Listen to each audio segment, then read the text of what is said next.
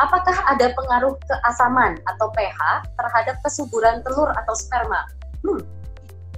Ya, sebetulnya bukan kesuburan telur ya, tapi uh, dalam hal ini uh, mungkin sperma. Jadi misalkan uh, uh, katakanlah vagina itu pH-nya kan tertentu, tapi kalau kalau vagina itu menjadi lebih basah atau menjadi lebih asam, maka sperma menjadi hidupnya menjadi sangat terpengaruh oleh kondisi asam basahnya uh, apa vagina kondisi vagina itu itu itu yang terpengaruh spermanya bukan yang terpengaruh itu uh, apa telurnya karena kalau telur kan dia di tempat yang sangat steril dia tidak terpengaruh oleh kondisi asam basahnya uh, uh, vagina begitu.